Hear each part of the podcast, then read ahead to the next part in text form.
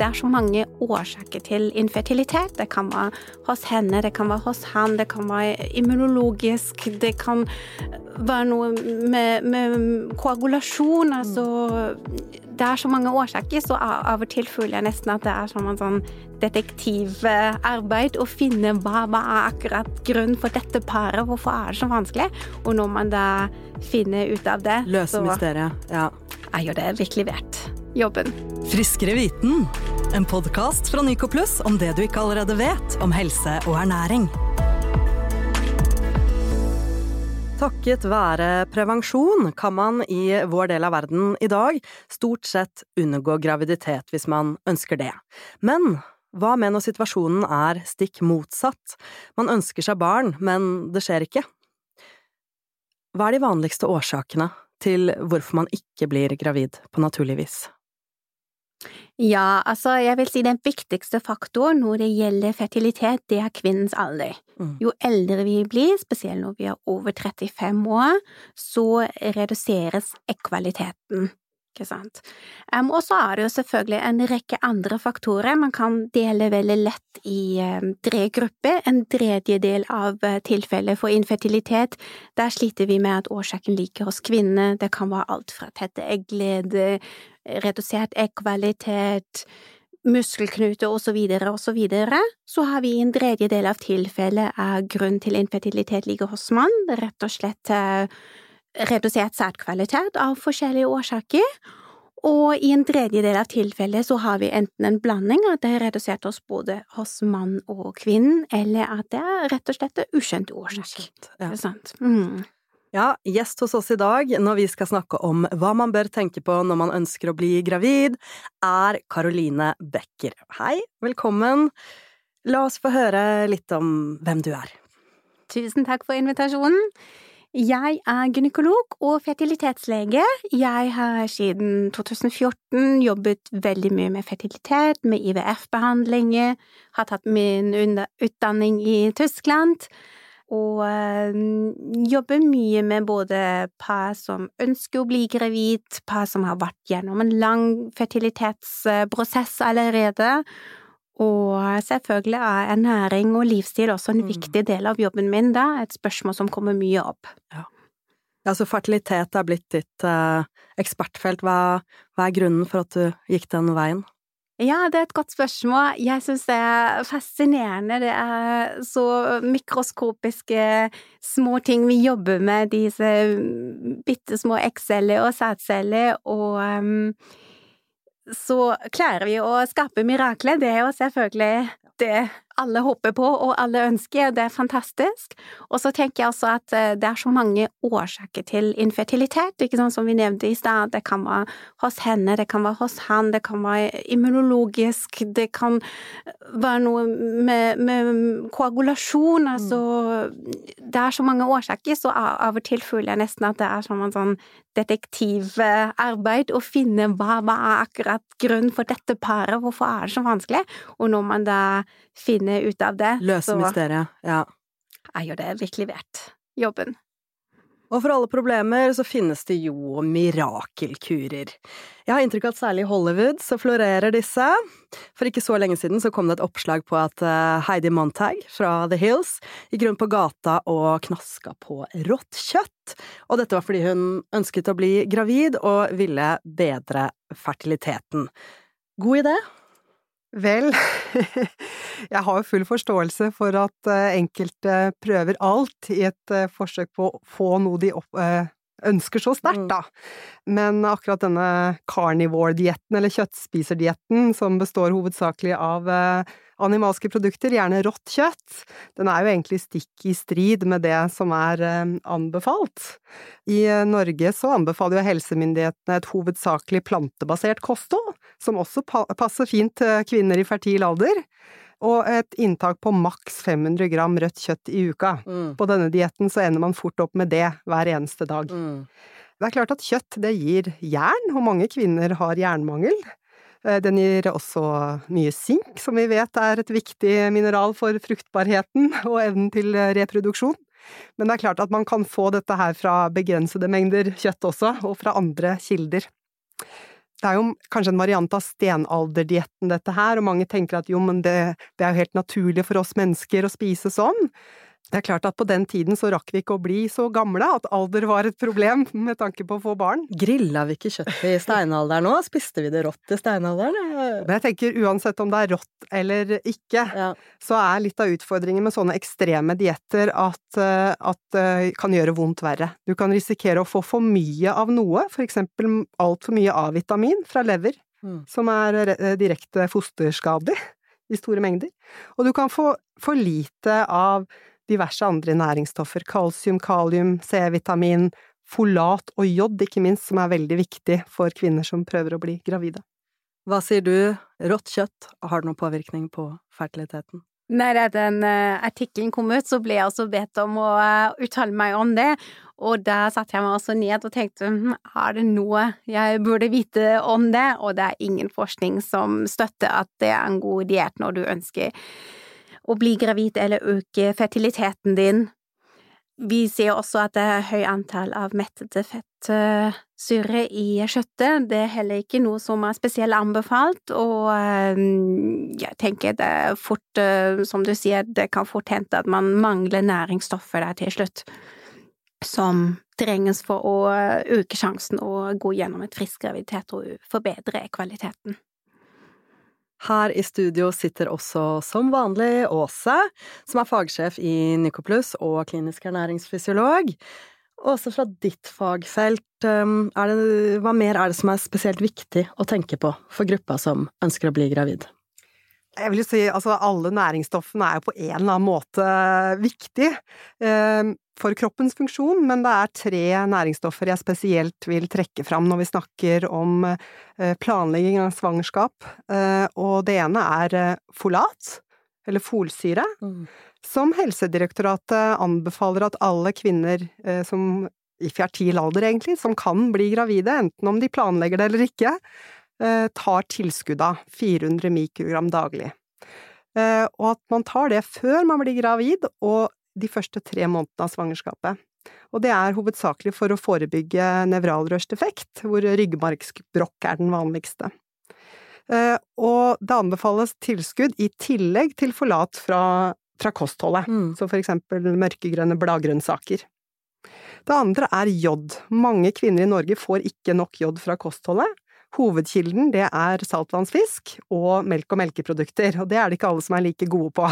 Mange årsaker til det, men det Helsedirektoratet nå anbefaler, er at kvinner som eh, prøver å bli gravide, de, eh, det er akkurat på lik linje med folat eller folsyre, så er det viktig å ha et bra nivå av jod før man blir gravid. Mm. Så hvis man ikke får i seg en porsjon med for eksempel torsk eller annen saltvannsfisk i uka, i tillegg til en halv liter med melk eller yoghurt hver dag, så bør man faktisk ta tilskudd av jod også. Mm. Dersom man ikke spiser fisk, så er anbefalingen en hel liter med melk eller yoghurt. Ja. Så det er ganske konkrete råd fra helsemyndighetene. Ja. Det siste næringsstoffet jeg har lyst til å nevne er D-vitamin, som også er, eh, kan være utfordrende å få nok av fra kostholdet. Mange i befolkningen som eh, ikke får, eh, får nok, inkludert kvinner i fertil alder. Og der er det faktisk noen studier som viser en sammenheng mellom nivå blod, i blodet av D-vitamin og utfordringer med å få bli gravid.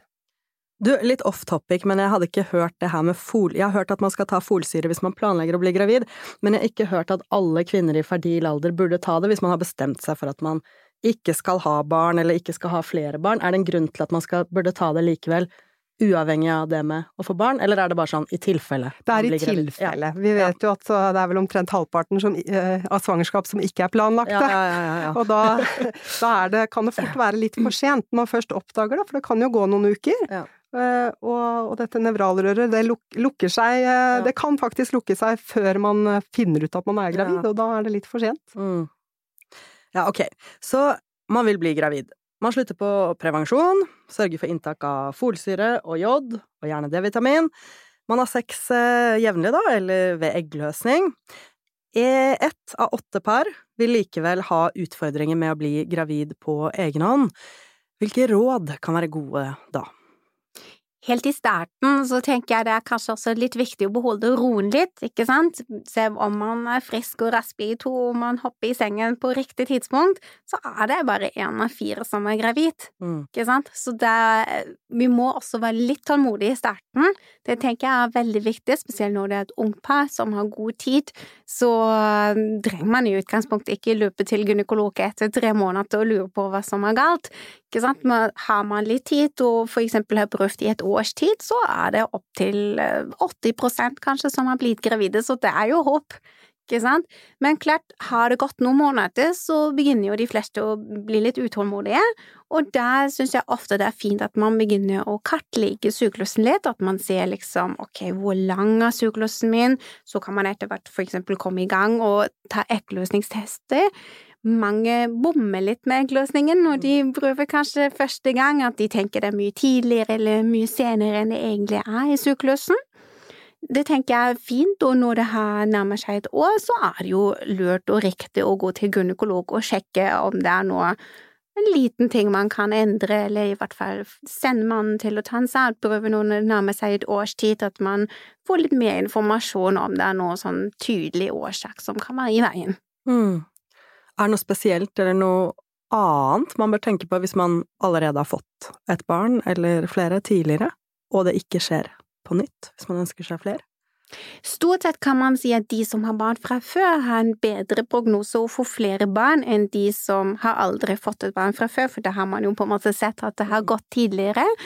Noen ganger kan det jo selvfølgelig vært at en tidligere fødsel kan ha ført til noen skader, for eksempel at det er samvoksninger i livmoren etter en utskrabning eller en infeksjon under fødselen. Noen ganger har vi også sett at det kan tilkomme tette egglede relativt sjelden, altså. Mm. Og selvfølgelig, altså plutselig finner vi en mann som har blitt så sliten småbarnsfar at Mm. sædkvaliteten har gått i bunn. Kan, små, kan det skje? Ja, at stress påvirker sædkvaliteten? Ja, stress, og det er gjerne forbundet med dårlig kosthold. Ja. Ikke uh, ukjent, det. Eggdonasjon har nettopp blitt eh, lovlig i Norge, og sæddonasjon har eh, også vært et tilbud lenge for eh, ufrivillige barnløse. Kan du si litt mer om det? Du har jobba mye med IVF. Ja, det stemmer. Altså, sæddonasjon har vi jo uh, hatt uh, tilgang til i mange år. Det finnes jo både tilgang gjennom de private og de offentlige klinikker. Vi um, har jo både jobbet med sæddonasjon for par hvor man absolutt har ingen sædceller, altså Mm. asospermi, um, hvor det er en fantastisk mulighet. Og så har vi jo behandlet lesbiske par i mange år med sæddonasjon som er jo en utrolig hyggelig jobb, fordi det er jo i utgangspunktet ikke par som egentlig er infertile, de trenger jo bare litt sæd. Mm. Så det er jo en veldig hyggelig jobb å kunne hjelpe til med det. Og nå etter de lovendringene så er det jo også lov å behandle single mødre, som jeg syns er veldig flott at de også har de samme rettighetene, og at man ikke må ha en partner for å kunne få hjelp. Og det er slutt på konseptet å dra til Danmark.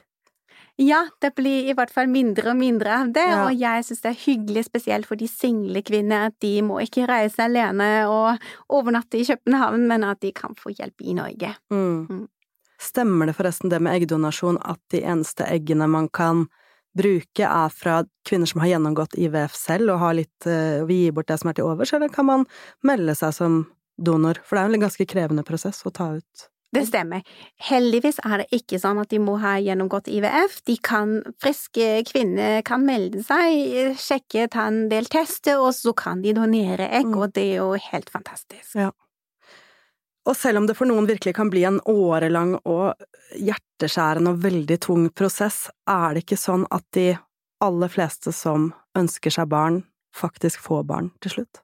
Ja, med at eh, det blir flere og flere muligheter, at man kan bruke sæddonasjon, at man kan bruke eggdonasjon, så har man jo flere og flere muligheter, så de aller fleste får jo oppfylt drømmen sin. Jeg vil kanskje si av alle IVF-par er det en rundt 80 prosent som ender til slutt med sitt barn. I noen tilfeller er det såpass vanskelig at det er fortsatt par som drar til utlandet og for eksempel gjør embryodonasjon, eller i noen tilfeller ser vi også at par reiser til utlandet for å gjøre surrogat. Og man må også se de parene som er såpass sliten og utmattet av den veldig krevende prosessen at de rett og slett gir opp etter hvert. Ja. Tilbake til uh, hva vi kan gjøre, hva som er gode råd når man er i prosessen, så nevnes jo kosthold og livsstil også, at dette er viktige faktorer som med alt annet, men uh, det kan jo samtidig være litt sånn fluffy og ukonkret. Åse, kan du si litt mer om hvordan ernæring helt spesifikt henger sammen med fertilitet? Jeg skulle jo selvfølgelig ønske at det var en egen diett som passet inn her, men, eh, men, som jeg var litt inne på i stad, så passer de nasjonale kostrådene inn her òg. Hovedsakelig plantebasert kost med mye nøtter, frø, fullkorn, frukt, grønt, bær. Eh, magre meieriprodukter og begrensede mengder med rødt kjøtt tilsatt sukker og salt og fett så vet vi jo fra kostholdsundersøkelser, eh, inkludert mor-barn-undersøkelsen, at eh, selv gravide ikke greier å følge disse kostrådene. Det er et bra utgangspunkt å eh, forsøke der, tenker jeg. Og, prøve å følge de. Mm. Men så det handler om å være sunn generelt, det er ikke noe sånn finnes, Det finnes ikke noe sånn spis masse gulrot, det hjelper. Det er ikke noe sånn Nei. Nei. Gynekologen her rister på hodet. Uh, hvilke grep bør man ta i forhold til livsstil, da? Nei, det er klart du var inne på fysisk aktivitet. Eh, det er viktig. Eh, det å, å, kutte ned på alkohol, røyk, andre rusmidler eventuelt. Og så må vi snakke om vekt. Vi vet at både undervekt og overvekt og fedme kan være negativt med tanke på fertiliteten. Og dette handler om hormonendringer. Vi vet at for eksempel, uansett om det er frivillig eller ikke, så undervekt, eh, anoreksi, det kan være toppidrettsutøvere, mm. eller de som er veldig, veldig aktive, de kan miste menstruasjonen. Mm. Uh, og på grunn av hormonendringer, og det kan jo da føre til at det blir vanskelig å få barn. Uh, samme gjelder overvekt og fedme. Uh, så det er sånn at for hver kroppsmasseindeks som går opp, så, går i, så øker risikoen for å ikke klare å få barn. Ja, det er helt riktig. Så bare det å klare å gå ned noen kilo, eh, og det skal ofte ikke så veldig mye til. Fem til ti prosent er fantastisk. Ja, og det går begge veier, ikke sant, uansett om det er undervekt eller overvekt. Og, og, det å få denne energibalansen på plass, det kan ha veldig mye å si. Vil det si at det er noe du kanskje eh, råder til eller tar tak i før du begynner å kjøre andre tester? Når ja, når jeg har pasienter som mm. er tydelig overvektige, mm. så er det absolutt noe som jeg tar opp i den konsultasjonen som, eh, som, du sier, det må ikke være 25 kilo, men om man klarer å redusere vekten 5-10%, så har man allerede gjort mye. Ofte har de ikke regelmessig eggløsning. Når de da har gått ned 5-10%, så kommer eggløsningen tilbake, og de, neste gang de kommer, så er det en graviditetsultralyd. Mm. Hva med trening? Ikke da nødvendigvis for å gå eh, ned i vekt hvis man trenger det, men hva med liksom, trening i seg selv? Har det noe det er jo alltid vanskelig å, når man gjør studier, å utelukke alle andre faktorer, ikke sant? Det henger jo sammen med Sammen med å være sunn, ja. Med, med, vekt, ikke minst. Eh, så, så, jeg vet i hvert fall ikke om noen spesifikke studier som går direkte på aktivitetsnivå og fertilitet, men det er vel en sånn sunn ja, det finnes nok eh, sikkert også studier, men som du sier, ofte går det jo i ett, at man mm. endrer kosthold og øker aktivitetsnivå, men det er absolutt anbefalt. Og eh, legge til i forhold til livsstil det med stress, da, som du sa at um, det i hvert fall for mannen kan redusere sædkvaliteten. Og stress, er det hva med kvinner og stress og fertilitet? Det har vi absolutt også sett at det kan gå utover eggkvaliteten. Mm. Det kan forstyrre menstruasjonssyklusen, og disse stressnivåene kan påvirke eggmodningen negativt. Så eh, stress er jo en utrolig vanskelig målbar faktor, ikke sant. Noen mm. jobber masse og blir gravid lett, mens andre opplever stress på en helt annen måte. Men uh, i hverdagen opplever jo mange ganger at for eksempel en kvinne skifter jobb, starter litt roligere hverdag, og plutselig faller ting på plass, og hun klarer å bli gravid. Så det er vanskelig å gi konkrete råd der, men jeg tenker spesielt når det er lange arbeidsdager, en konstant høy stressnivå, så mm. burde man også ta det med i betraktning når man sliter med å bli gravid eller ønsker å øke fertiliteten sin. Samtidig som man kan sikkert bli ganske stressa av å ønske seg barn og ikke få det til, da. Det er. Um, så det kan jo by på, ut, på en Jeg har utfordring. Absolutt. hørt om flere som blir gravide når de slutter å prøve. Ja, absolutt. Og da tenker jeg da er det kanskje vår gynekologens jobb å eh, prøve å redusere stressen, ikke gjøre pasienter Mm. mer usikre, men gi dem en trygghet i behandling, gi dem god oppfølging og på en måte følge de tett gjennom prosessen, og det har vi også sett i studiet, at det at pasienter føler seg godt ivaretatt, får en god oppfølging, at det eh, gjør det lettere for de å gå gjennom prosessen og kan forbedre resultater, rett og Ja. slett. En viktig jobb også med mennesker, Absolutt. ikke bare Mm. det faglige.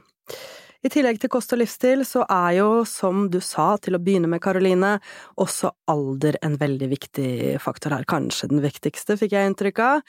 I veldig mange år nå så har det samlede fruktbarhetstallet i Norge gått ned.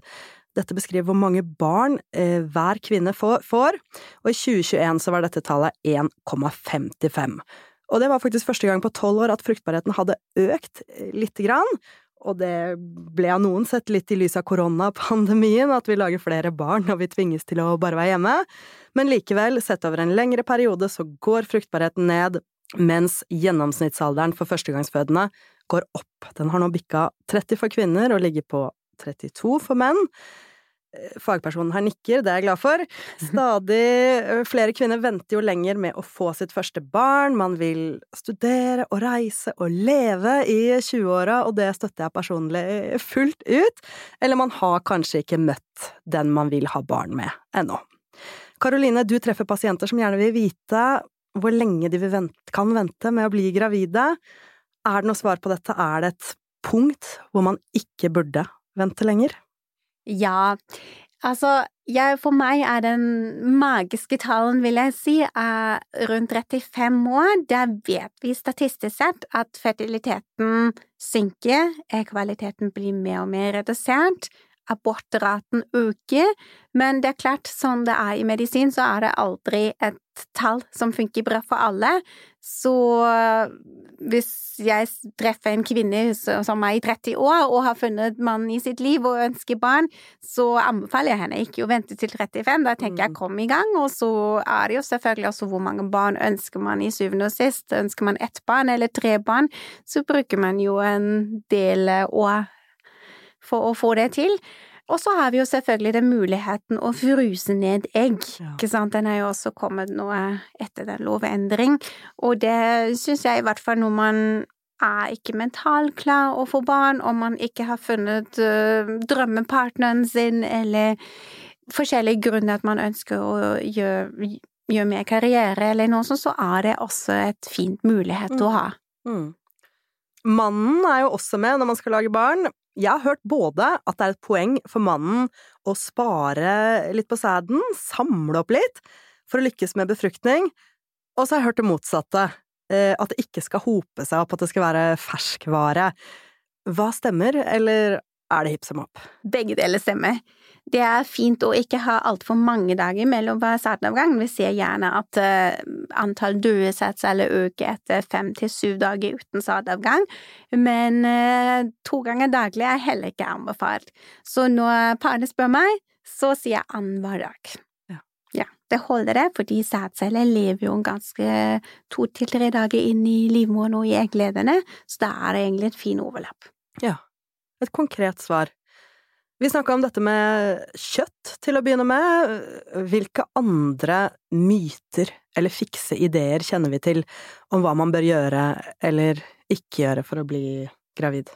Først vil jeg bare eh, nevne et spørsmål jeg ofte får, og det er med tanke på de som prøver i lang tid, kanskje mange år, eh, så lurer de på om de fortsatt kan ta folat og jod. Mm. Og det er ikke noe farlig. Det er viktig å fortsette med det, for plutselig blir man gravid, og da, da er det dumt å ha slutta. Så det er jo på en måte en myte. At, At, man man, liksom ikke kan, kan ta det. det, Ja, ja. nei da. Nei. Det er, det er viktig å fortsette. Det stemmer, ja. Uh, uansett om det dreier seg om år. Men myte eh, Mange har jo hørt om dette med rå østers, at det skal liksom være tingen å spise. Ja, men det er jo sånn uh, som man blir kåt av. Nei, altså uh, Er det ikke det hva det heter? Så det er litt finere ord for det det. Eh, ja, heter det i hvert fall på engelsk. Ja, det var det jeg mente å si. Ja, men det er også den eh, kilden med mest sink i. Ja. Hvis du går i matvaretabellen, så er det den som topper lista. Og sink vet vi jo er faktisk viktig både for menn og kvinner med tanke på fertilitet. Så det er faktisk en litt sånn sann myte, selv om det betyr ikke at du må spise rå østers hver dag. Det finnes andre Sink finnes i mye nøtter og frø og fullkorn. og- Ok, men jeg spurte i stad, da er det noe konkret man kan spise for å Ja, bedre fertiliteten? Sink? Er det Rå østers. Ikke noe mirakelkø. ikke noe mirakelkur? Nei, så lenge du har en generelt sunn kosthold, så um, er det viktig. Men man må si at uh, det er ikke sjelden at jeg møter pass hvor vi plutselig finner ut at er mye prosessert og ultraprosessert mat de spiser, at de har en vitaminmangel, at de drikker kanskje ti alkoholenheter i løpet av en uke, og da ser vi ofte når det er en lett redusert sædprøve hos en mann da. Og han begynner å trene og spise sunt og lage salater om kvelden. Mm. Der ser vi ofte en ganske tydelig forbedring i sædprøven. Og det gjelder vel med, for menn med tanke på overvekt òg? Å Ja, klare å gå ned noen kilo kan det kan hjelpe. absolutt også ha en Mm. positiv effekt. Og så er det jo som det alltid er, det er ikke en kur som hjelper alle, ikke sant. Hvis sædprøven er veldig redusert fra før, så hjelper det ikke å spise brokkoli. Nei. Men det er fint at det er noen ting, noen grep man kan ta selv, men selvfølgelig i noen tilfeller så vil det være medisinske årsaker, og da er eh, Karoline og alle andre på plass for å hjelpe til med det. Du møter jo pasienter, du må sikkert Folk kommer vel inn med masse rare oppfatninger om hva som man skal gjøre eller ikke gjøre. Hva kan du nevne et par ting du har hørt? Ja, hva var vel de mest klassiske? Altså, det er jo mange som slenger beina opp i luften etter samleie, Mm, gjerne opp til en time. ja. For at det skal renne ned. At det skal, ja, at Ja. de skal svømme i riktig retning. Det, Ikke sant? Så er det mange som bekymrer seg om orgasme kan eh, sende sædceller i feil retning, eller noe sånt. Um, og hva, stemmer dette eller ikke? nei da. Det, så lett er det ikke. Nei. Nei. Noen som eh, tror at egget kan falle ut igjen etter man har satt det inn. Nei, det er mye Ja. mye rart eh, man tenker, og jeg tenker sikkert mye kommer også av at det er så viktig for parene at man bare sitter og googler og tenker og lurer hva, hva kan vi gjøre riktig nå? Hva kan vi gjøre bedre? Folk har dårlig samvittighet fordi de har drukket en kaffekopp for mye. Selvfølgelig. Man ønsker å gjøre Jeg skal ikke bare le av det, man ønsker å gjøre det man kan. Ja, Ja. Og at det er jo en del av de tingene som i hvert fall ikke skader, så man Ja. Ehm, Men fra mytene så skal vi avrunde med det som heller kan være noen gode råd. Og jeg tenker at det kanskje kan være et råd å kjenne litt på forventningene sine når man skal i gang med å prøve å få barn, at eh, nettopp denne kunnskapen om at det kan hende det ikke går med en gang, at eh, for noen blir det vanskelig, eller man kan oppleve spon- spontanabort, at det er eh, faktisk ganske vanlig. Og hvis man på forhånd vet om dette, så kan man eh, heller bli positivt overraska eventuelt, eller være litt mer klar til å ta tak i det. Det ble kanskje litt negativt, det skal jo være gøy å lage barn, jeg mente ikke at man skal være sånn pessimist og alvorstynget, men at det kan være et råd å ha med seg realistiske forventninger inn i prosessen, jeg vet ikke, enig? Enig. Jeg tenker det er viktig at man eh, ikke forventer at man gjør alt klær, og så må man bli gravid i eh, juli, at man rekker barnehageoppstart. Det er i mine øyne urealistiske forventninger. Jeg tenker heller at man sier nå prøver vi et halvt år, uten altfor mye forventninger, eggløsningstester, bekymringer. Mm. Og så er jo de tross alt eh, De fleste er jo gravide etter et halvt år, ikke sant? For øvrig, ditt avsluttende råd? Prøv å ha en sunn kroppsvekt. Eh, Spis hovedsakelig plantebasert, Mm. og husk på jod og folat. Det som er sunn ellers i livet, er jo også sunn når man prøver å bli gravid. Og kos dere med det, eh, i den grad det går. Jeg håper at denne episoden har kunnet gi noe til deg som har eh, lyst på barn og er i gang med eller skal til å prøve på det. Tusen takk for at du kom, Karoline Becker, med all din kunnskap, realistiske perspektiver og ærlige råd. Åse, alltid hyggelig å ha med deg. Takk for at du hørte på. Jeg heter Arnhild. Har du noen spørsmål eller innspill, skriv til oss på Nycoplus på Facebook. Takk for i dag. Vi høres igjen.